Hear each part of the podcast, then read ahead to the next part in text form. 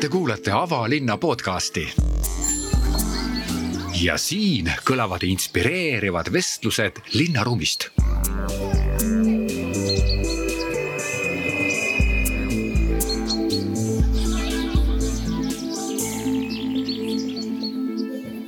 tere tulemast kuulama podcasti Avalinn.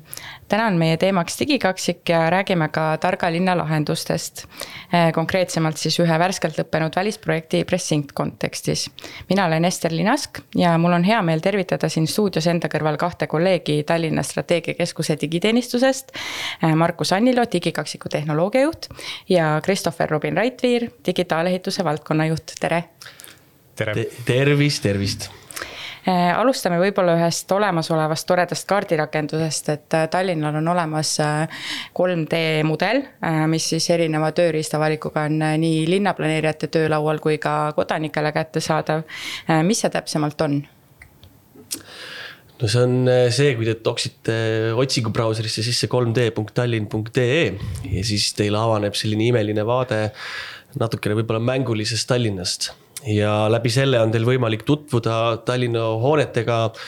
eh, sellises linnuvaate vormis ja, ja tekib tunne, nagu see olekski digikaksik. võib-olla nüüd see päris digikaksik otseselt ei ole, aga ta kindlasti on selline üks käekatsutavatest vormidest nii-öelda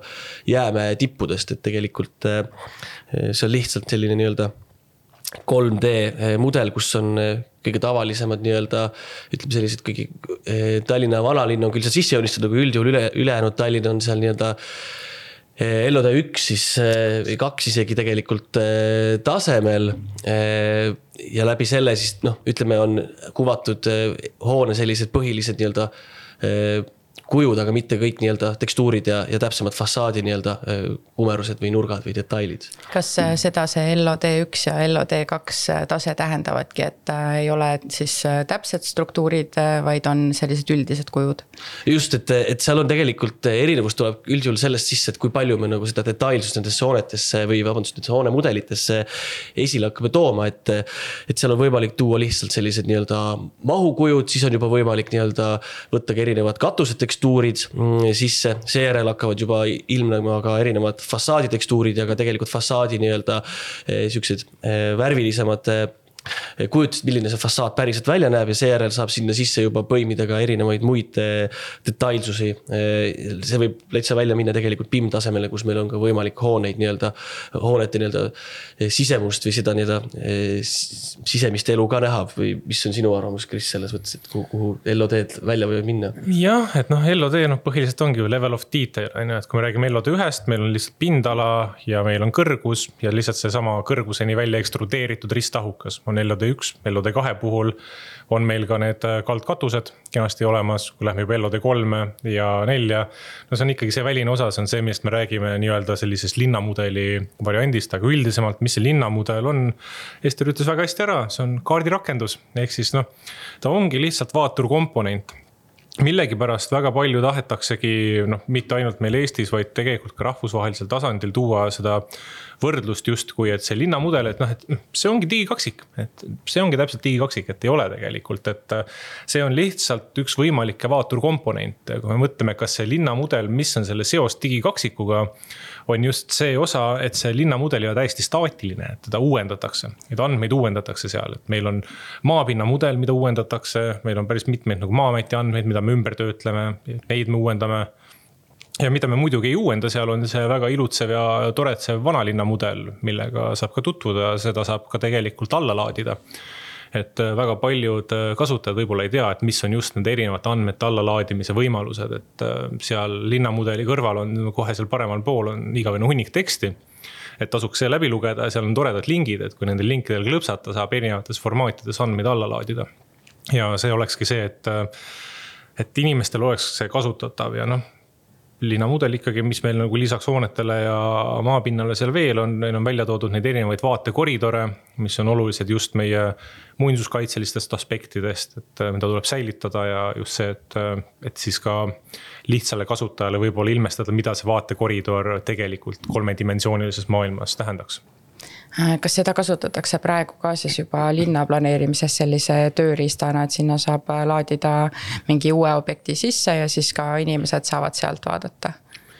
jah, et täitsa selline võimalus on ja ma olen päris mitmeid piloote teinud ka sellest, et kuidas me üleüldse kogu selles planeerimises läheksimegi kolmemõõtmelisele infomudeli põhisele planeerimisele. et planeerijad ei peaks koostama oma mingisugustes programmides nagu SketchUp ides või Archicad ides kogu ümbritsev ala mudelit äh, lihtsalt 3D-na. siis selle kuidagimoodi ära ilustama Photoshopis, ära renderdama, näitama neid ägedaid vaateid, vaid piisab sellest, kui andagi meile lihtsalt äh, oma planeeringuala mudelid mõned kihid on siis kahedimensioonilised, mõned kolmedimensioonilised. me võtame nad sellesse linnamudeli keskkonda sisse ja kõike seda, mis seda planeeringuala ümbritseb, mis meil niikuinii linnamudelis on olemas, ei pea siis planeerijad hakkama käsitsi üle tegema. pluss lisaks kaob ära see vaev, et kogu aeg äh, maksta selle tööjõukulu eest, mis kulub nende renderite, ilupiltide tegemise peale ja need pildid tegelikult on staatilised. ja alati ei pruugi anda edasi seda kõige paremat vaatenurka, kas siis äh, linnaarhitektide vaatest või ka poliitikute vaatest, kes lõppkokkuvõttes planeeringuid ju vastu võtavad ja kehtestavad et kui on võimalus mudelis äh, ikkagi oma käega keerutada, vaadata tänavavaatest, vaadata linnuvaatest, keerata ühelt poolt ja teiselt poolt, saab oluliselt parema pildi ette, kui nüüd selliselt äh, ilusad pildid, kuhu on üks Ferrari peale pandud ja need ilusate roosade õitega Jaapani kirsipuud ja inimesed šikkides ülikondades ja alati on kuskil klaasi peal selline ilus selline sära, mis sellest päikesest tuleb, et äh, see tegelikult ei ole see parim linnaruum, et kõik saavad ju sellest aru ja ei ole ka tavaliselt siis see, mis realiseerub, eks ole. Äh, aga kui sa nüüd äh, ise tõid ka välja, et inimesed ajavad seda 3D mudelit ja digikaksikut omavahel äh, segamini, siis võib-olla sa räägiksid ka, mis siis nagu nende peamine vahe on või, või mida see digikaksik juurde annab? noh, minu vaates digikaksik tegelikult on üks selline andmete, andmetöötluse, otsuste ja nende andmete ümbertöötluse kogum, et see tegelikult nii-öelda ma nimetaks seda kaheks asjaks, et meil on nagu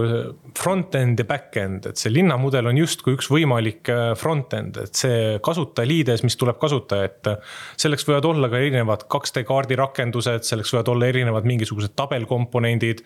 see on kõikvõimalikke asju, aga just, et miks, mis teeb digikaksikust digikaksik, on see, et meil on kogu aeg ajas uuenevad andmed Need andmed loomulikult peavad olema usaldusväärsed ja nad peavad olema ka vahetatavad erinevate andmebaaside ja kasutajate vahel, sest vastasel juhul tuleks neid kogu aeg manuaalselt ümber töödelda. ning äh, nendest andmetest siis saadav teave ja kogu aeg see ajas uuenemine ja selle teabe realiseerimine ja uuesti andmete muutmine, et see on minu jaoks see digikaksiku komponent just, aga see, mis see kasutajale välja paistab, on lihtsalt nende andmete visualiseerimine inimesele. et tegelikult digikaksiku olemuse jaoks seda ei ole üleüldse tarvis, sellepärast et noh, vähemalt väga paljude asjade jaoks on lihtsalt see, et me saame väga paljusid andmeid masintöödelda ja need on ka masinloetavad. aga kui me võtamegi lihtsa näite näiteks millisel juhul me ei saa seda masin töödelda, millisel juhul on vaja ikkagi inimest sinna taha, et miks peab olema ka see kasutajaliides. kui me näiteks hakkame vaatama, kuhu piirkonda on meil vaja uut lasteaeda, siis meil on vaja näha, mis seal piirkonnas toimub, kui palju on seal inimesi, kui palju on seal lapsi, missugused on teised linnahoonealad, mis seal on. ja kus on linnal maad või kus on riigil maad, kuhu on üldse võimalik seda lasteaeda rajada kus on kohtade puudus ja no kõik need andmed jooksevad ju väga erinevatest kohtadest kokku, seda on siis vaja sellele otsustustasandile väga selgelt visualiseerida. et võtta vastu just see strateegiline otsus, et näete, aastal kaks tuhat kakskümmend neli või kakskümmend viis me teeme neli lasteaeda ja me teeme nad just sellesse, sellesse, sellesse ja sellesse kohta. sellepärast, et see on andmepõhine otsus ja kõikidele andmetele tuginedes on need kõige paremad asukohad. mitte ei ole see selline märja näpuga õues tuule suuna püüdmine. ja, tegelikult, kui siin äh, mõelda nagu andmetele ja andmete kogumisele ja üldse sellele protsessile suuremas pildis veel kord siis tegelikult see on ju suur, tegelikult selline digitaliseerimise üks nii-öelda algupärastest tegevustest, et. et täna võime tõesti andmeid koguda ja käia neid nii-öelda äh, kogumas eh, suurte rahvamassidena ja, ja kirjutada üles paberi peale, aga, aga kui me räägime näiteks mobiilsetest andmeprojektidest, kus me kasutame kaameraid, erinevaid sensoreid, andureid, et kaardistada linnas toimuvat, panna tähele pidevalt, järjepidevalt, kuidas linnapilt muutub ja mis otsuseid me sellest lähtuvalt peame vastu võtma. siis me jõuame ikkagi selleni, et me tegelikult muudame oma protsesse efektiivsemaks ja muudame oma protsesse säästlikumateks ja tegelikult ka selles osas suudame oma nii-öelda olemasolevaid rahasid või nii-öelda ressursse suunates nendesse kohtadesse, kus on täna võib-olla mingid puudujäägid. ehk siis meie eesmärk digikaksikuga on tegelikult ka aidata kaasa mingite tegevuste digitaliseerimisele või vähemalt äh, automatiseerimisele sellel kujul, et me ei võta ära mingeid töökohti, me ei võta ära mingisuguseid nii-öelda. Äh, või ei tee kellegi elu õnnetumaks, vaid vastupidi, et pakume läbi selle uusi variante ja võimalusi teha äh, oluliselt väärtuslikumalt ja rohkem efektiivsemalt nii-öelda sellist väärtuslikku, väärtust andvat tööd. et ka see on tegelikult üks digikaksiku sellistest komponentidest, mida, mida siin kindlasti meeles pidada jah, ja võib-olla nende andmete poole pealt lisaks veel seda, et kuna nende digikaksiku protsessidega me tegelikult vaatame väga kriitilise pilguga otsa ka kogu sellele andmete kogumise, hoiustamise ja töötlemise osale. sest lõppkokkuvõttes ei ole niiviisi, et meil on mingisugune kogus andmeid, mis praegu on, me digitaliseerime nad ära ja hurraa, meil on digikaksik. et ei, kui me võtame täpselt sellise olukorra, mis meil praegu tänasel hetkel on, täiesti ausalt, digitaliseerime selle ära kõige suurem äh, tõenäosus, mis me saame, on digitaalne kaos selle koha pealt, et äh, alati, kui me hakkame andmetega tegelema, siis on see, et missuguseid andmeid meil on vaja. me peame alati küsima, miks meil neid andmeid on vaja, kellele neid on vaja ja missugusel ajahetkel neid on vaja. ja kui me nendele küsimustele saame vastused ja ka seda, et kuidas, mis formaadis meil need andmed on, et nad oleksid ristkasutatavad. nagu sa, Markus, välja tõid, on ju, need protsessid kõik, et need protsessid teha efektiivsemaks ja ka andmete liikumise protsessid teha efektiivsemaks. niiviisi me saame ka tegelikult oma andmete poole korda ja saame nagu parema pildi ette, et mis meil üleüldse nagu toimunud on, miks see niimoodi toimunud on ja kuidas peaksime edaspidi liikuma kui me prooviks veel natukene minna selle digikaksiku tehnoloogilisse poolde, siis, äh, siis äh, nagu sa, Christopher, välja tõid ühe teemana, siis näiteks selline lasteaiakohtade leidmine või määramine võiks olla üks variant, kus seda kasutada. ja Markus samas tõi välja andmete kogumise, et kui see on niimoodi paberi peal ja et igaüks võib minna ja koguda, aga et see ei ole efektiivne, siis ega ilmselt täna ju ka linnas keegi niimoodi paberil väga neid andmeid ei kogu ja ja näiteks lasteaiakohad on ka kindlasti olemas ju haridusinfosüsteemis ja, ja ka mitmestes teistes äh, geoinfosüsteemides, et äh, mida ikkagi ja, ja lootakse ju ka lahendust äh, lihtsalt tavalise kaardirakenduse näol, kuidas neid, kuidas seda infot siis omavahel kokku panna. et mida ikkagi see digikaksik sinna juurde annab või, või kuidas see väljendub, et, et see just on digikaksik siis, mitte seesama geoinfosüsteem või kaardirakendus, kus me praegu seda kokku proovime panna noh, ma ütlekski, et kui me võtame selle näite, et minu jaoks nagu, et mis on nagu selle kaardirakenduse ja digikaksiku vahe, ongi lihtsalt see, et äh, kuidas need andmed liiguvad, kuidas see lahendus äh, ennast uuendab, kas see lahendus on automatiseeritud või uuendatakse kasvõi seda käsitsi, et see ei pea olema täpselt selline, et nüüd äh, kõik on ära automatiseeritud, võib-olla inimene mingil hetkel vajutab mingit nuppu ja asjad uuenevad, võib-olla kantakse need asjad sisse, aga just see, et meil ei ole väga sellist staatilist äh, pilti sellest, et kõik need muudatused, mis sisse tulevad, tulevad ka sellesse andmevoosse sisse ja kajastuvad ka selles kaardirakenduses. et mina selle koha pealt võtakski seda, et kui meil on kaardirakendus, mis selliseid asju näitab, kasutab erinevatest infosüsteemidest kokku toodud andmeid. ja neid andmeid uuendatakse mingisuguse perioodi vältel, mis on nagu mõistlik periood, mitte kord kümne aasta jooksul. siis me räägimegi tegelikult jällegi mingisugusest digikaksiku sellisest äh, ma nimetaks seda digikaksiku mikroteenuseks, üheks mikroteenuseks, et ma ei ütlekski, et digikaksik on mingisugune selline suur üksik monoliitne tükk, vaid see ongi selline platvorm, mis võtab enda alla väga palju erinevaid mikroteenuseid, mis peavad suutma omavahel suhelda. sest noh, nagu ongi, et lasteaiakohad, meil on näiteks haridusametis näiteks lasteaedade täituvusandmed. siis jällegi meil on vaja maade kohta andmeid, kus on, kelle omandis olevad mingisugused maad samamoodi, mis on ehitisregistri andmed, ehk siis, et mis on sinna piirkonda nüüd väljastatud äh, ehitusload või ehituses olevad asjad või kasutusload. samamoodi me tahaksime Tallinna planeeringute registrist teada saada, et missugused on seal piirkonnas vastu võetud või algatatud planeeringud, mis umbes sarnase sihtotstarbega ehitist näiteks pakuvad, et me saaksime ette nagu selle minevikupildi, aga tulevikupildi. et mida me digikaksikust kunagi ei saa, on täpselt praegune hetk, kus me oleme nüüd ja praegu, et see on nagu selline matemaatiline piirväärtuste värk, et kas läheneb nullile ühelt poolt või teiselt poolt, aga päris nulliks kunagi ei saa ja siis muutub ka nulliga jagamine võimalikuks, et. et digikaksik justkui see olevik ongi seal see nullpunkt nagu ja võib-olla siin selline, kui minna nagu hästi utoopiliseks ka, et siis võib alati mõelda, et, et, et õhtu lõpuks või selles mõttes, kui see digikaksus kunagi, kunagi hakkab valmis saama, et siis võiks ju eelduslikult avaneda ka näiteks variant, et me saame oma eh, linnahooneid kaugelt monitoorida, vaadata mis on parasjagu energiakulu, äkki on kellelgi või kusagil jäänud mingisugused eh, tuled sisse õhtul, eh, kus, kui seda vaja ei ole või on mingisugune vesi kuskil jooksma jäänud ja läbi selle näiteks ka reguleerida või kontrollida, et eh, energiatarbimist või muid nii-öelda nüansse, mida, mille jaoks peaks kohale sõitma ja selle kogu maja läbi kammima. et ka selline nii-öelda mm, utoopia, võib-olla see digikaksik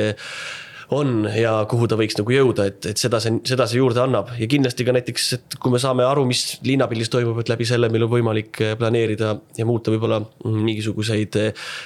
liikumistsükleid või mingi, mingeid muid eh, liikumisega seotud protsesse läbi selle, et me tegelikult saame seda kaugelt juhtida, kaugelt analüüsida, et kuidas, kuidas olukord muutub ja milliseks, milline võiks olla nii-öelda parem või efektiivsem jälle tulemus jah, et ma võib-olla natuke sõnastaks selle utoopia ümber, et tegelikult see on juba selline väga-väga lähiaja juba praeguste võimalustega katsutav, et lõppkokkuvõttes, et neid asju monitoorida, ongi tarvis lihtsalt äh, hoone automaatikat, et hoonel oleks oma keskseade, kõik need IoT seadmed, mis hoones on, jagaksid selle info edasi. ja nüüd äh, seal ongi nagu see asi, et äh, digikaksik versus digikaksik see on nagu selline kihiline kook, et erinevad kihid on need erinevad hooned, kus automaatika need seadmed on. ja see suurem linna digikaksik on see pilt, kuhu jookseb siis kõikide nende hoonete info kokku, et siis äh, võtta vastu mingisuguseid valdkondlikuid otsuseid, et äh, suure ja grupiviisiliselt aga võib-olla ma viskaks ette omapoolse nägemuse sellest utoopiast, et kui me räägimegi liikuvusest ja räägime ligipääsetavusest, et et on ju ka linna strateegiline siht, et linn oleks mõnusalt kasutatav nii viieaastastele kui kaheksakümne aastastele. aga noh, see peab olema ka mõnusalt kasutatav inimestele, kes ei saa võib-olla käia omal jalul. ja kui meil on väga hea andmestik olemas, just selline geomeetriline andmestik linnast, siis tegelikult me saame ehitada sellised digikratid kes äh, justkui veerevad ratastel seda linna läbi ja kui talle ette anda, et näed, et sellistel tingimustel pääsed sa liikuma ja sellistel tingimustel jääd sa seisma. siis me saame väga kiiresti tegelikult pildi just nendest kohtadest, kus näiteks ratastooliga liikumine avalikus linnaruumis on äärmiselt raskendatud väga hea, tahtsingi tegelikult äh, jõuda ka sinna, et äh, tehnoloogilises mõttes digikaksikust me lõpuks räägime tavaliselt siis, kui need lahendused jõuavad nii-öelda füüsilisse maailma tagasi ka. et kas te näete veel linna digikaksikul selliseid võimalusi, et, et kuidas siis nii-öelda sellest taustast ja kõigist nendest andmetest ja otsustest, mis seal saavad sündida, jõuab see ka füüsilisse linnaruumi siis ilma inimese sekkumiseta minu jaoks kohe tuleb see mõte, millest me vist räägime või hiljem või on seesama Precincti projekt, eh, mille raames me tegelikult ju võtsimegi ette eh, Tallinna eh, maa sees asuvad tehnuvõrgud ja sealhulgas siis tegelikult suuresti panime fookuse joogivee infrastruktuurile. Ja tegelikult eesmärk oli meil selline, et me tahtsime ja tahame endiselt luua sellist nii-öelda seiresüsteemi, et kui midagi peaks eh, Tallinna eh, maa-aluste tehnovõrkudega juhtuma, et millised hooned näiteks saavad sellest, eh, on sellest mõjutatud ja nendele inimestele, kes neid hooneid aktiivselt kasutavad, oleks ka sihuke nii-öelda teavitussüsteem, et kiiremas korras anda märku, et kas võib-olla kraanivesi või joogivesi nii-öelda selles mõttes mm, ei ole praegu kättesaadav ajutiselt. või on mingisugused muud äh, probleemid, millest võiks inimene, kes seda hoonet kasutab, teadlikud olla, et see on kindlasti üks sellistest äh, kasutusjuhtudest, millele poole me tegelikult täna väga-väga äh, aktiivselt liigume nojah, ja mis võiks veel füüsilisse maailma nii-öelda tagasi minna, kui me räägime näiteks hoonete kontekstis, siis seesama hoonete automaatikast tulenev selline seiresüsteem ja no mõõtmiste süsteem ja sellest tulenevalt nendest otsustest võiks nagu jõuda see, et. kuidas me hakkame järgmiseid sarnaste otstarvetega hooneid projekteerima, et missugused sellised ehitusetapist tulnud informatsioon ja haldusetapist tulnud informatsioon, kuidas seda nagu kasutada niiviisi. et need vead, mis on realiseerunud, ei realiseeruks enam uuesti.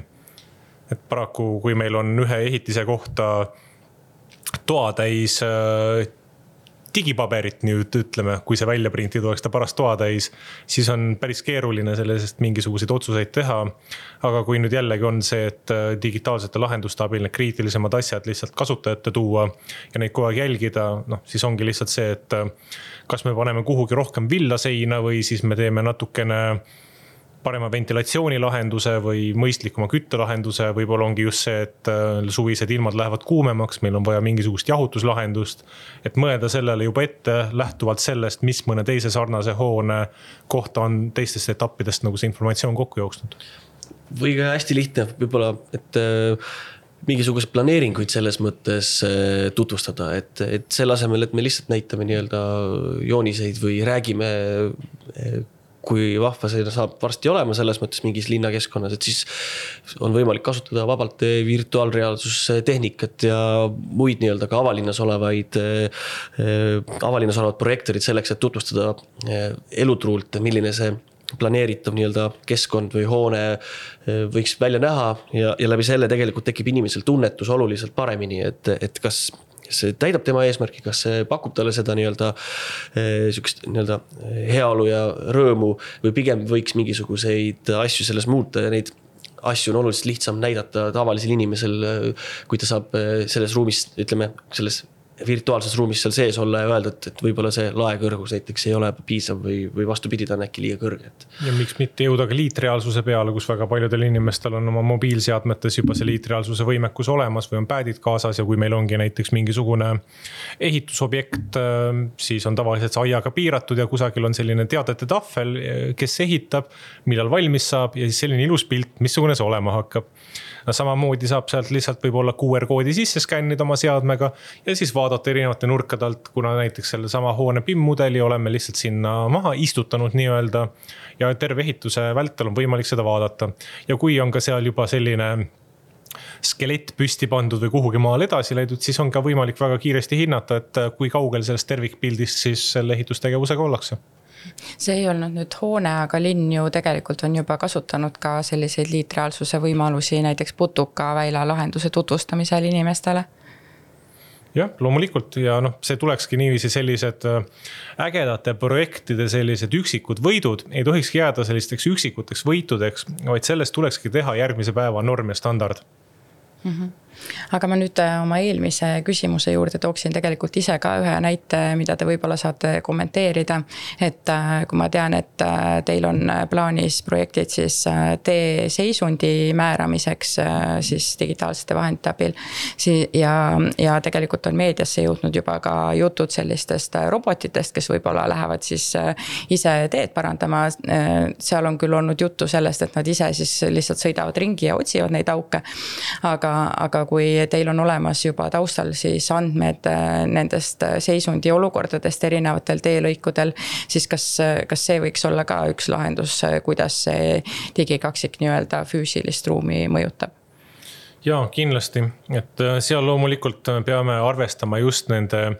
Eestimaa oludega, et ka praegu on selline, et kuu aega tagasi olid teed päris heas korras ja nüüd, kus on neid külmumis-sulamistsükleid päris palju olnud, siis neid vastikuid löökaukusid on üsna palju välja tulnud. ehk siis jällegi on see andmete kogumise sagedus, et kui me teeme näiteks sellise andmehõive kord aastas sagedusega, siis see väga palju teede seisukorrale kaasa ei aita. küll aga me saame üldise pildi, me saame selle aluspositsiooni kätte.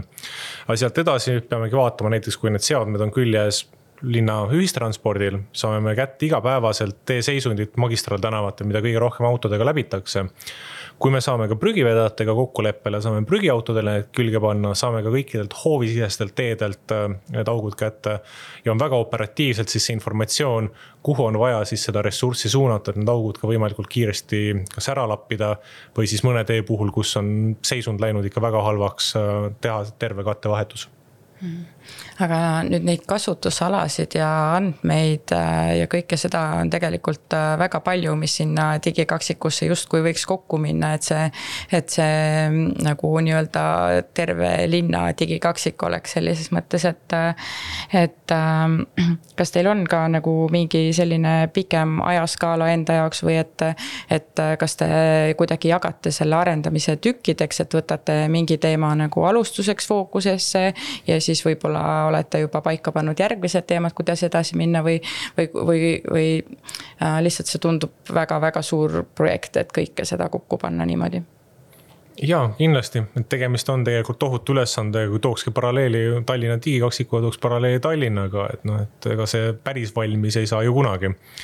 noh, et enda valdkonna poole pealt äh, kindlasti olen prioriteetidena välja toonud just sellise linna planeerimise komponendi ja linnavara siis nii hoonete osast, mille eest vastutab Linnavaraamet, kui ka taristu osa, mille eest vastutab Keskkonna Kommunaalamet, et kuidas äh, linna enda hoonete taristu projekteerimise, ehitamise ja halduse osa võimalikult palju digitaliseerida ja tuua need komponendid ka digikaksikusse kokku, samamoodi ka linna planeerimisest, et see ehitise elukaar oleks paigas. Ja noh, digikaksiku meeskond kindlasti on võtnud endale neid omasid sihte, et võib-olla ei hakkagi Markuse eest neid äh, ära ütlema, et jah, tegelikult on noh, kui ma räägin enda eesmärkidest täna, siis üks on kindlasti see tehnovõrkude temaatika, mis on hästi suur, hästi keeruline ja keeruline sellepärast, et see hõlmab väga palju erinevaid eh, osapooli linnas. sealhulgas ka tegelikult eh, mitte ainult siis linnatöötajaid, vaid ka kodanikke ja linnas toimetavaid ettevõtteid, samamoodi on see üks tohutu andmete nii-öelda kogumise ülesanne. Eh, teine fookus on see, et nagu Ester mainisid, siis see ülesanne on ka mõelda sellele, et,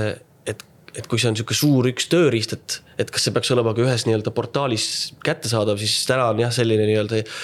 nii-öelda väike nii-öelda eesmärk meil ka või minul nii-öelda leida selline sobiv lahendus, kuidas neid, kuidas see kasutajale kättesaadavaks teha. võin julgelt öelda, et siin mõned piloodid oleme teinud pilootide tulemused on head olnud, selles mõttes nad on natukene ka tõestanud seda, et, et see ei ole nii lihtne, et me ostame ühe ostutoote ja pärast seda on. suuname kõik andmebaasid ühte kohta ja loome sinna lahedad simulatsioonid ja siis see nii-öelda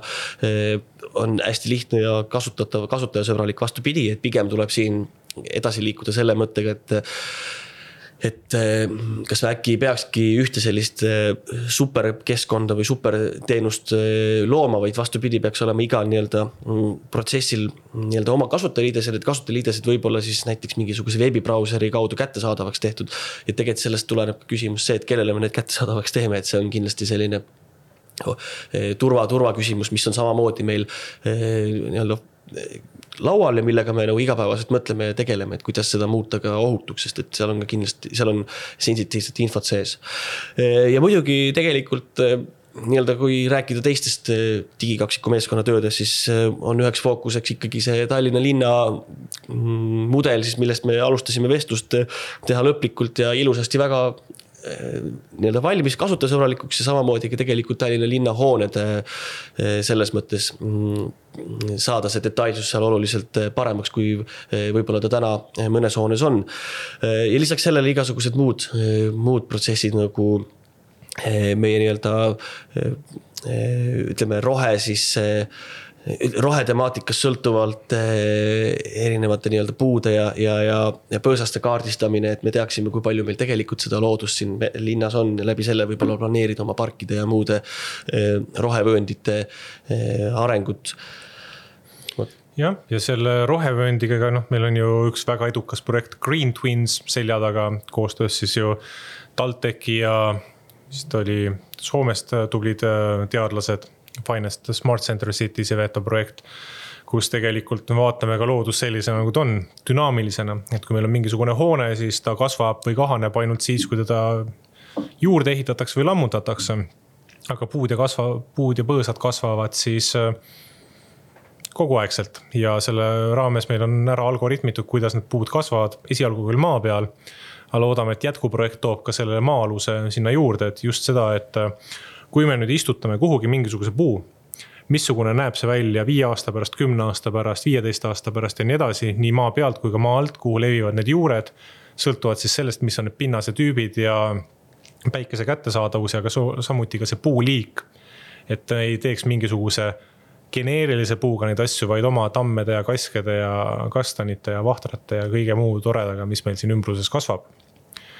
ning äh,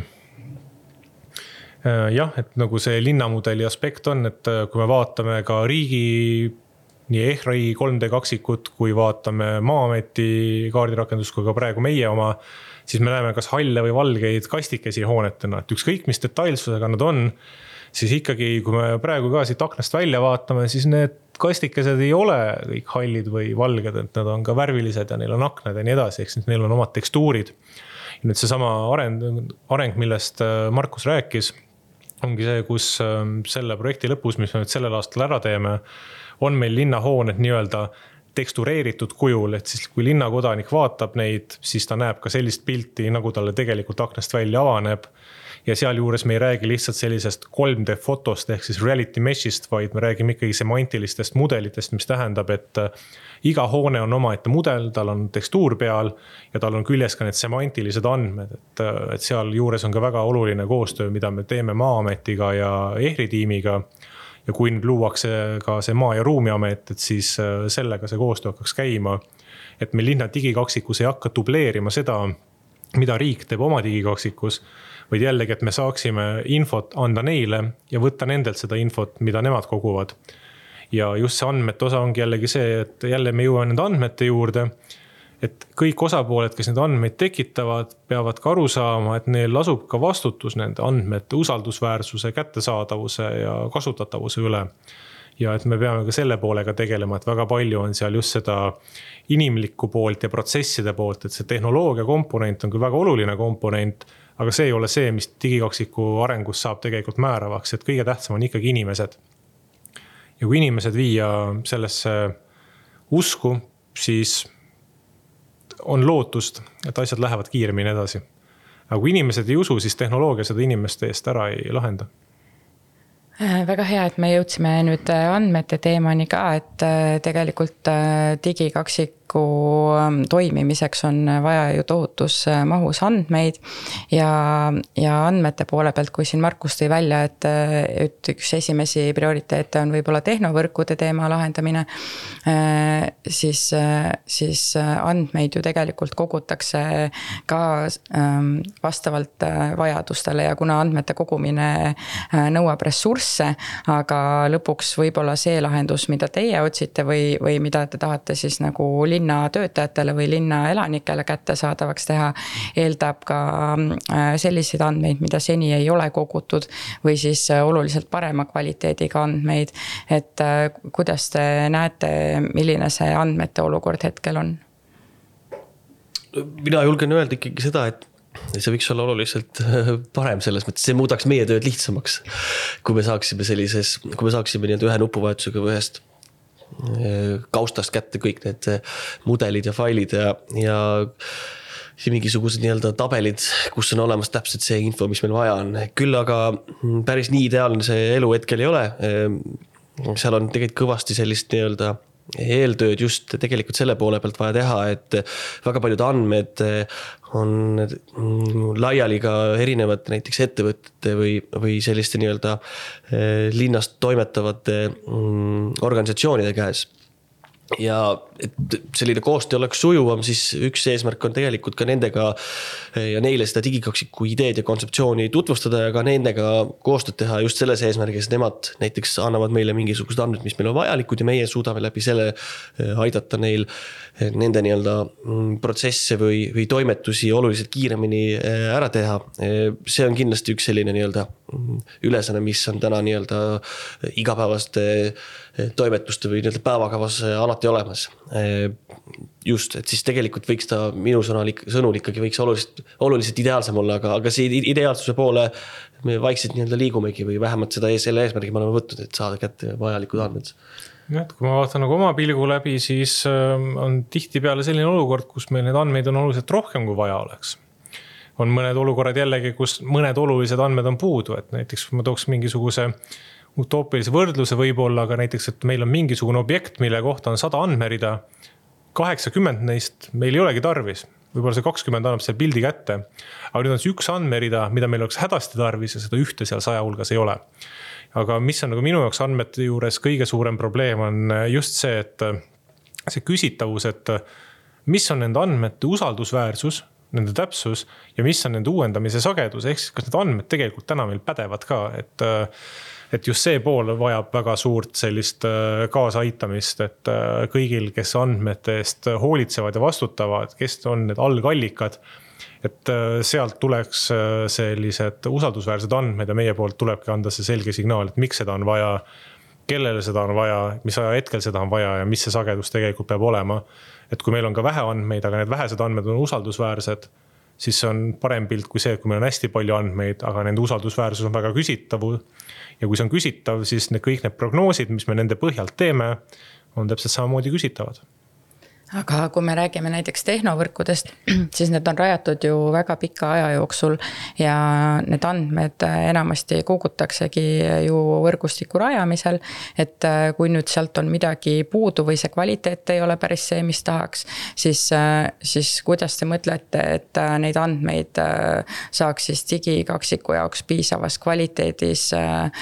või siis ka nende vastavate atribuutide või omadustega nüüd tagasi tagantjärgi kätte?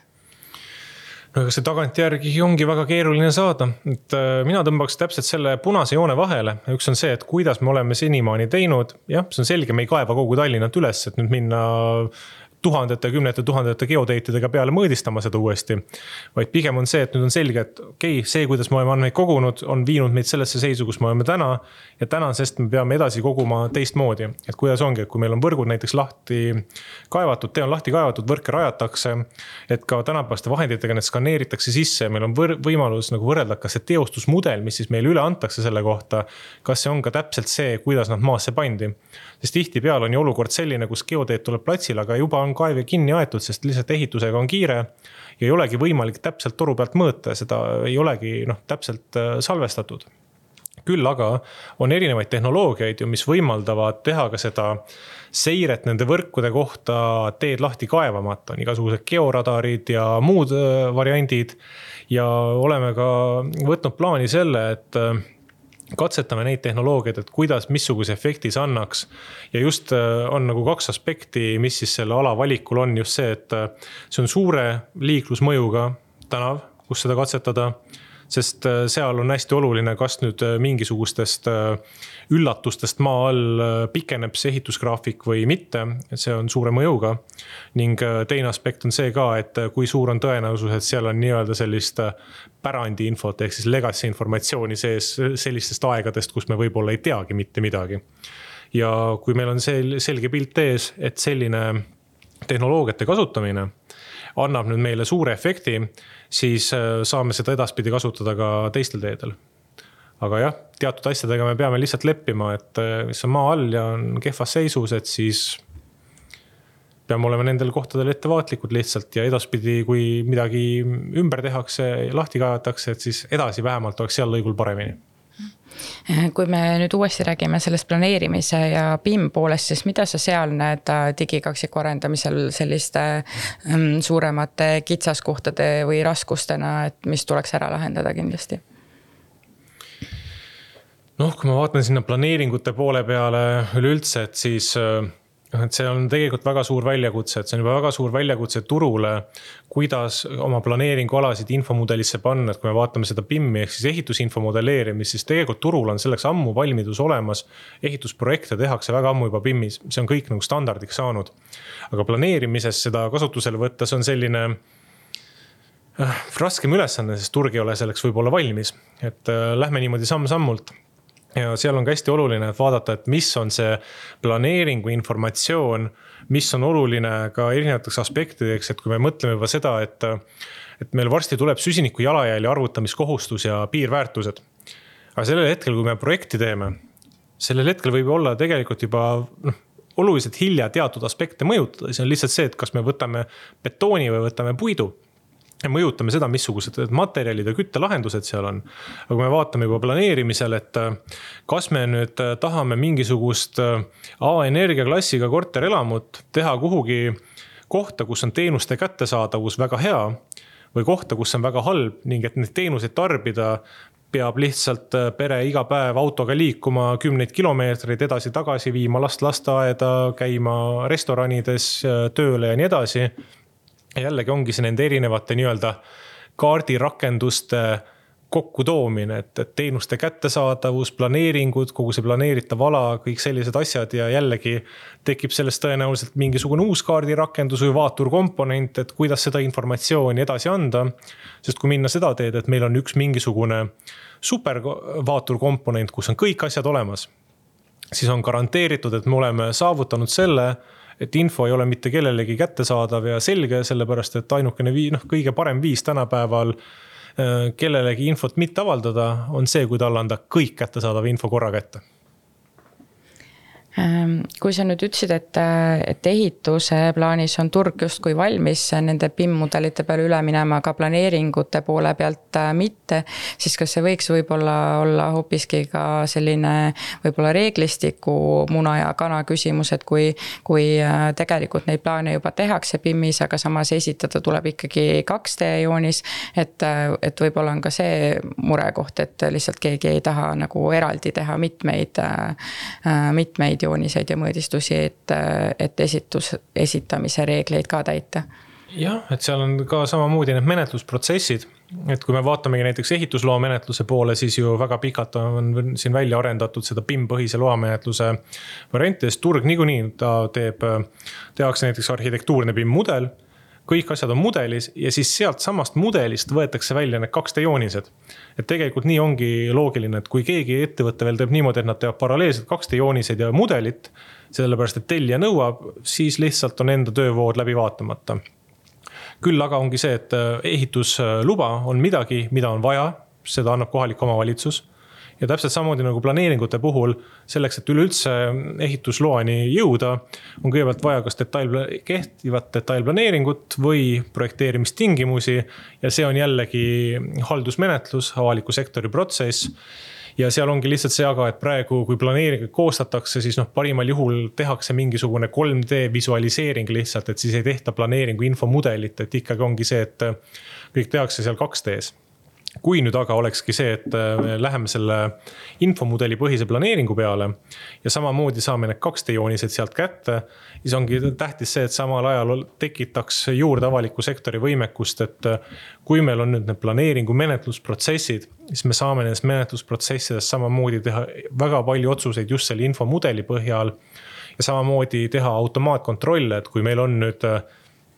olemas detailplaneeringu infomudel ja meil on kehtiv üldplaneering, mis on GIS süsteemides. järelikult meil on jällegi struktureeritud standardile vastavad andmed seal.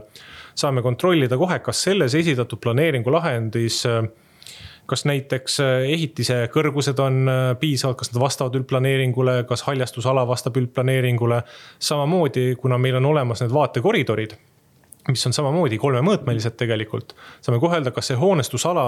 riivab kuidagi seda vaatekoridori ja mitte niimoodi, et äh, nüüd peab 2D joonise pealt arhi-, linnaarhitekt hakkama vaatama ja proovima ja mõõtma ja võib-olla joonlaua peale panema. vaid lihtsalt saabki see vaaturkomponent talle lihtsalt äh, punaseks ette värvida ja anda hoiatuse, et äh, näed, siin on probleem.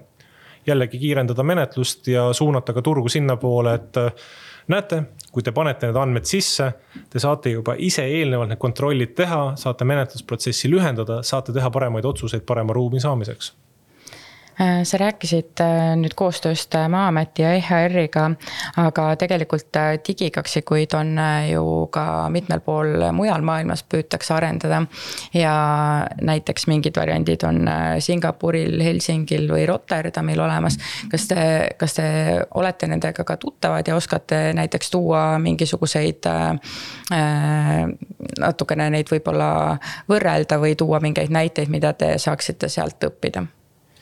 Ütleks juba, et ju tegelikult ega Tallinnas või mitte Tallinnas, ka Tartus selles mõttes tegeletakse digikaksikuga, ehk siis juba nendega me nii-öelda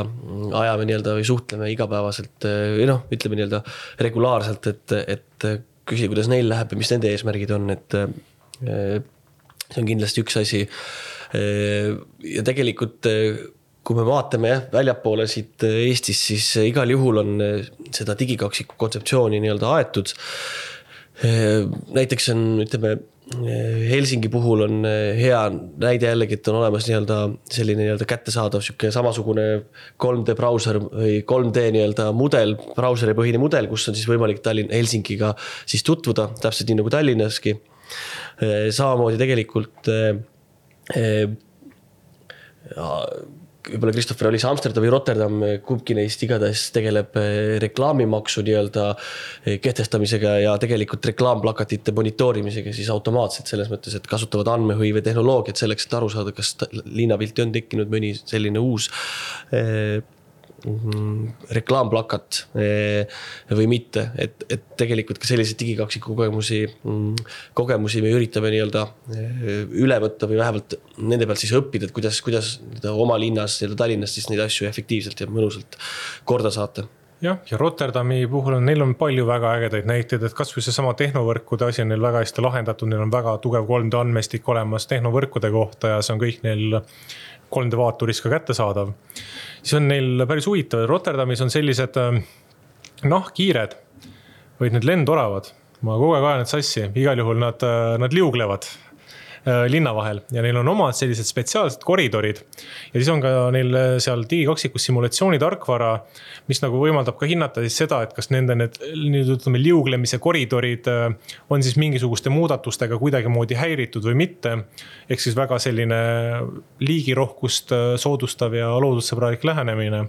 samuti on neil hästi oluline ju ka see, et mida teeb see ookean, mis neil otse külje all on ja üleujutustega seonduvad simulatsioonid. et äh, mida sellisel puhul teha ning ka erinevad müraanalüüsid selle koha pealt, et kui kuhugi nüüd mingisugust äh, eluhoonet näiteks planeeritakse, missugune sellest äh, formatsioonist, kuidas nagu see müra sinna on ja missugused on need võimalikud meetmed selle müra vähendamiseks, et inimestel oleks meeldivam olla et Rotterdam on kindlasti see koht, kus meil on tegelikult palju ägedaid asju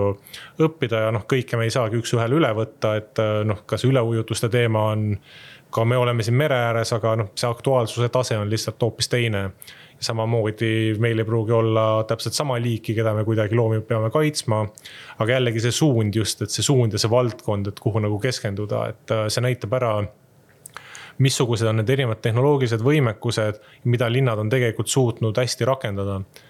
aga muidugi, kui räägitakse Singapurist, siis jah, Singapurist äh, räägivad kõik, räägivad palju, räägivad ka nende BIM-menetluste ja kõige osas ja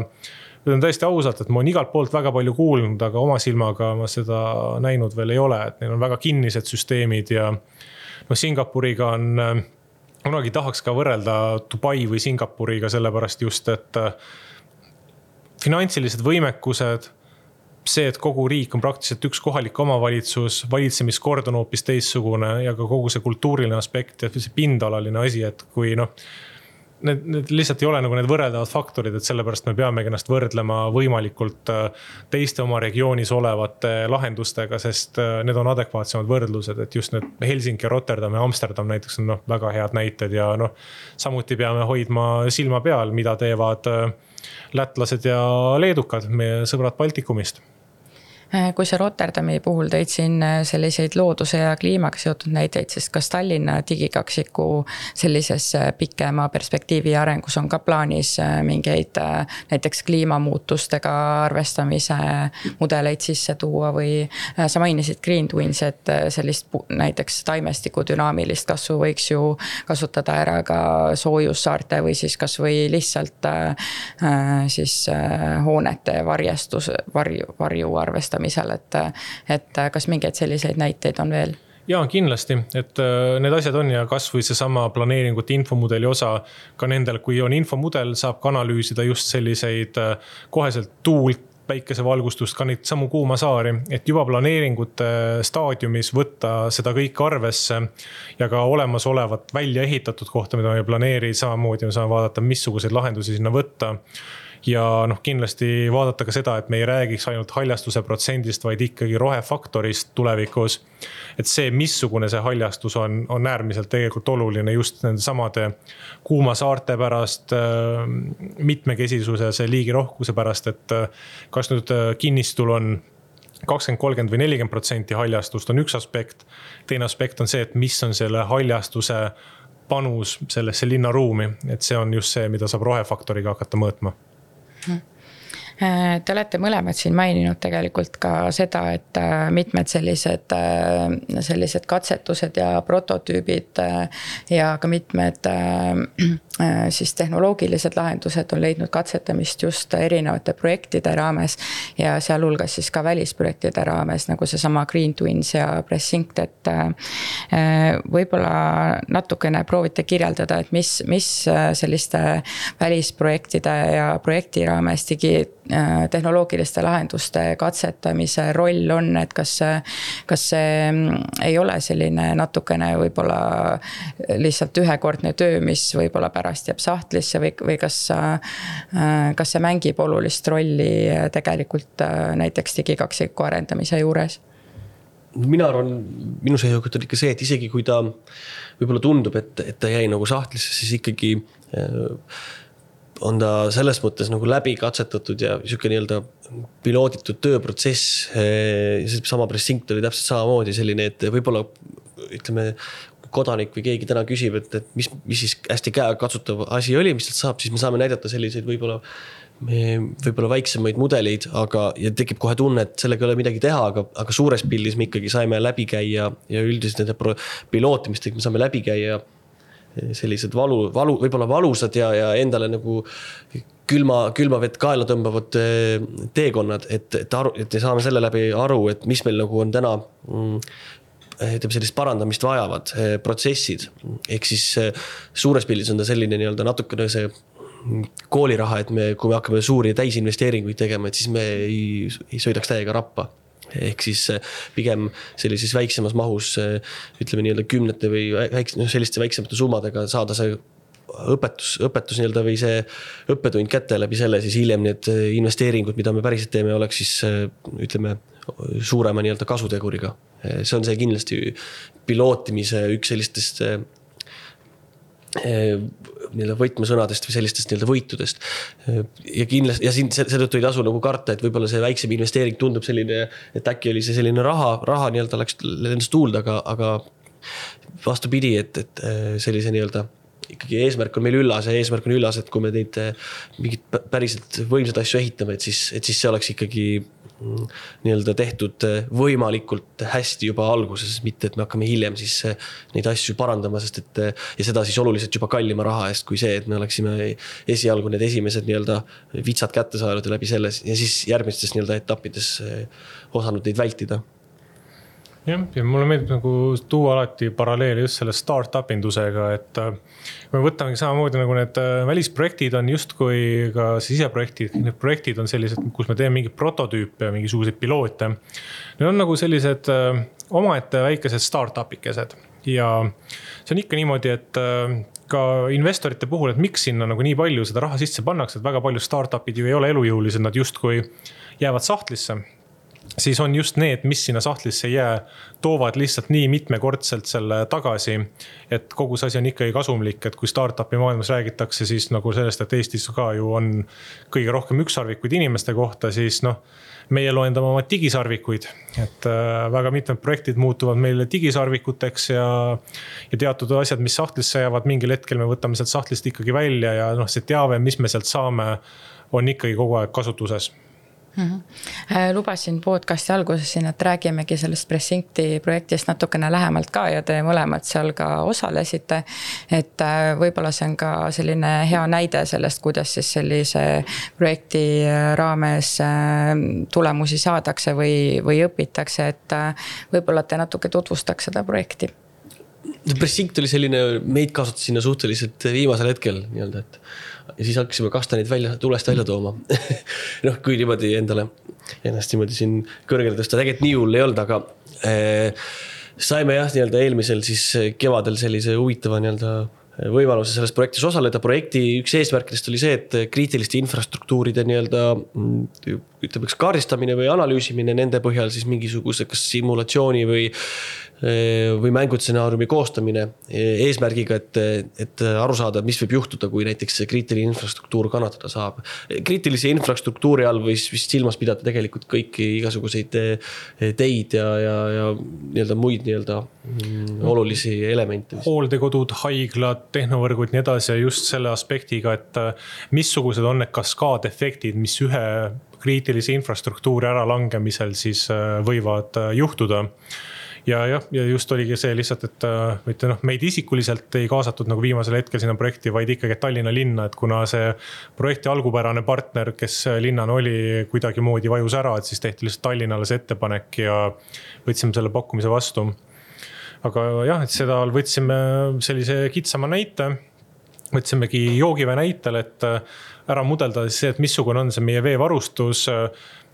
missuguseid kriitilisi infrastruktuure võib ta mingisuguses piirkonnas mõjutada, kuidas on nendel infrastruktuuridel siis kriisikäitumise plaanid ja mis oleks vaja muuta niimoodi, et äh, olukorra, halva olukorra realiseerimisel läheksid asjad äh, hõlpsamini ja just oleks ka see, et äh, kuidas seda infot liigutada, et kui meil mingisugune teenus langeb ära, siis ei peaks äh, näiteks haigla inimesed olema tundide viisi kuskil infojärjekorras, et seda infot kätte saada.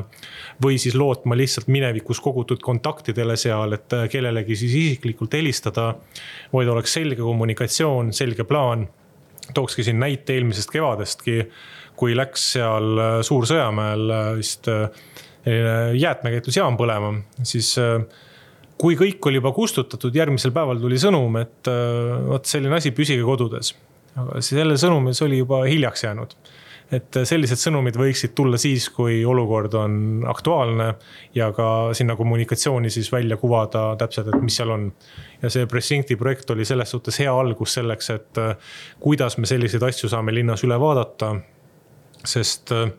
igasuguseid äh, katkestusi, asju võib ette tulla ja noh, samamoodi ei pruugi kõik olla mingisugused äh, küberrünnakud või siis ka füüsilised rünnakud, et kui me vaatame ka siin hiljutisest meediast, kui me räägime puhtalt joogiveest, siis äh,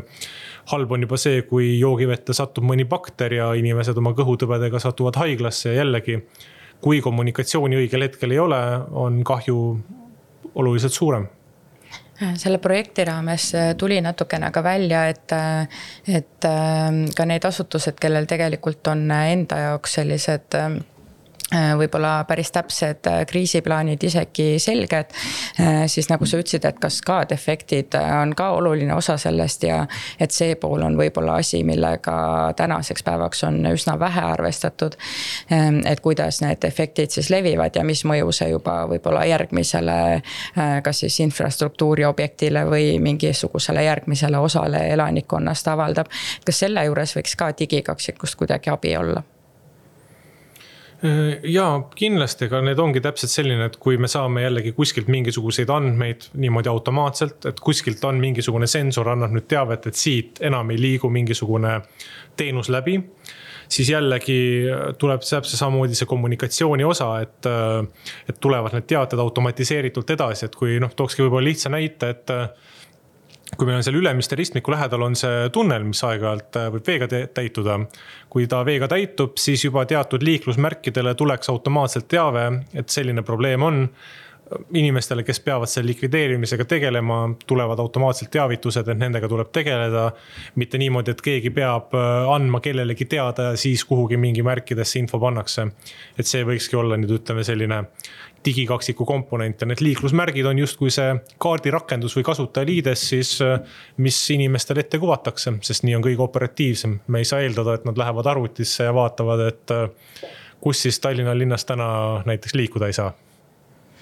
nii et tegelikult neid digikaksiku kasutusvaldkondi ja seda, kuidas äh, ka lihtsalt linna elanik saab sellest kasu, on hästi-hästi äh, palju. aga ma arvan, et meil siinkohal võib-olla ongi aeg see jutuajamine natukene kokku tõmmata. et kas sa tahaks võib-olla ise veel lõpetuseks midagi digikaksiku või kasvõi digitaalehituse valdkonna kohta öelda oma tulevikuplaanidest või? Mina tahan öelda, et kui keegi seda kuulab, kes digikaksikute kontseptsiooniga on äh, tuttav ja tunneb huvi, et siis võib julgelt ühendust võtta LinkedIn'i või meili või. või ütleme muude nii-öelda kanalite kaudu, et hea meelega vahetaks mõtteid ja kuulaks äh, selles mõttes sellist nii-öelda äh, teie teadmisi ka, et, et eks me, eks me üritame olla hästi avatud ja täna kindlasti kuskile sulgunud ei ole, et, et ehitame nii-öelda põlve otsas tagatubades digikaksikut, pigem ongi selle mõte, et me teeme seda koostöös kõikide ütleme teiste linnade, ettevõtjate, huvi, huvilist, huvipooltega ja nii-öelda ka, ka kasutajatega, ehk siis, ehk siis pigem andke endast märku ja, ja oleme nii-öelda avatud kõikidele ideedele, mõtetele, kommentaaridele. Jah, ma tahaks just öelda ka just selle osa, et ega ma ei hakkagi midagi täpsustama, sest plaanidest on siin tund aega räägitud, aga just see, et et kes on oma valdkonna ikkagi ekspert ja näebki, et tema töövoogudes on miski, mis teda tegelikult häirib ja tahaks, et oleks paremini ja et mõned asjad oleksid kuidagi automaatsemad või digitaalsemad. siis selliste soovidega ka alati tulla, sest ega meie ei näe kõiki neid erinevate inimeste vajadusi ja spetsialiteete ära, et me vaatame kuhugi valdkondade poole. suhtlema, kui kellelgi tulebki see tungiv vajadus, siis väga hea meelega tegelikult võtaks inimesi vastu. kuulaks muresid ja vaataks, kuidas me saame olemasolevad protsessid paremaks teha, need ära digitaliseerida ja võimalikult palju siis automatiseerida. et inimene saaks oma tööaega kulutada talle väärtust loovatele ja meeldivatele aspektidele. ja loomulikult on see muidugi keeruline, sest kui kunagi oleks küsitud, kui Ford oleks käinud küsimas, et mida te soovite, siis ikka, et tahaks kiiremaid hobuseid, et vaevalt keegi tahaks öelda, et tahaks ilma hobusteta vankrit, mis ise sõidab, aga noh. kui on sellised mõtted peas, siis andke julgelt teada Äh, aga ma tänan siis äh, teid selle põneva vestluse eest ja tänan ka kuulajaid ja soovitan kindlasti kuulata ka Avalinna podcast'i järgmiseid põnevaid teemasid, aitäh. aitäh kutsumast. aitäh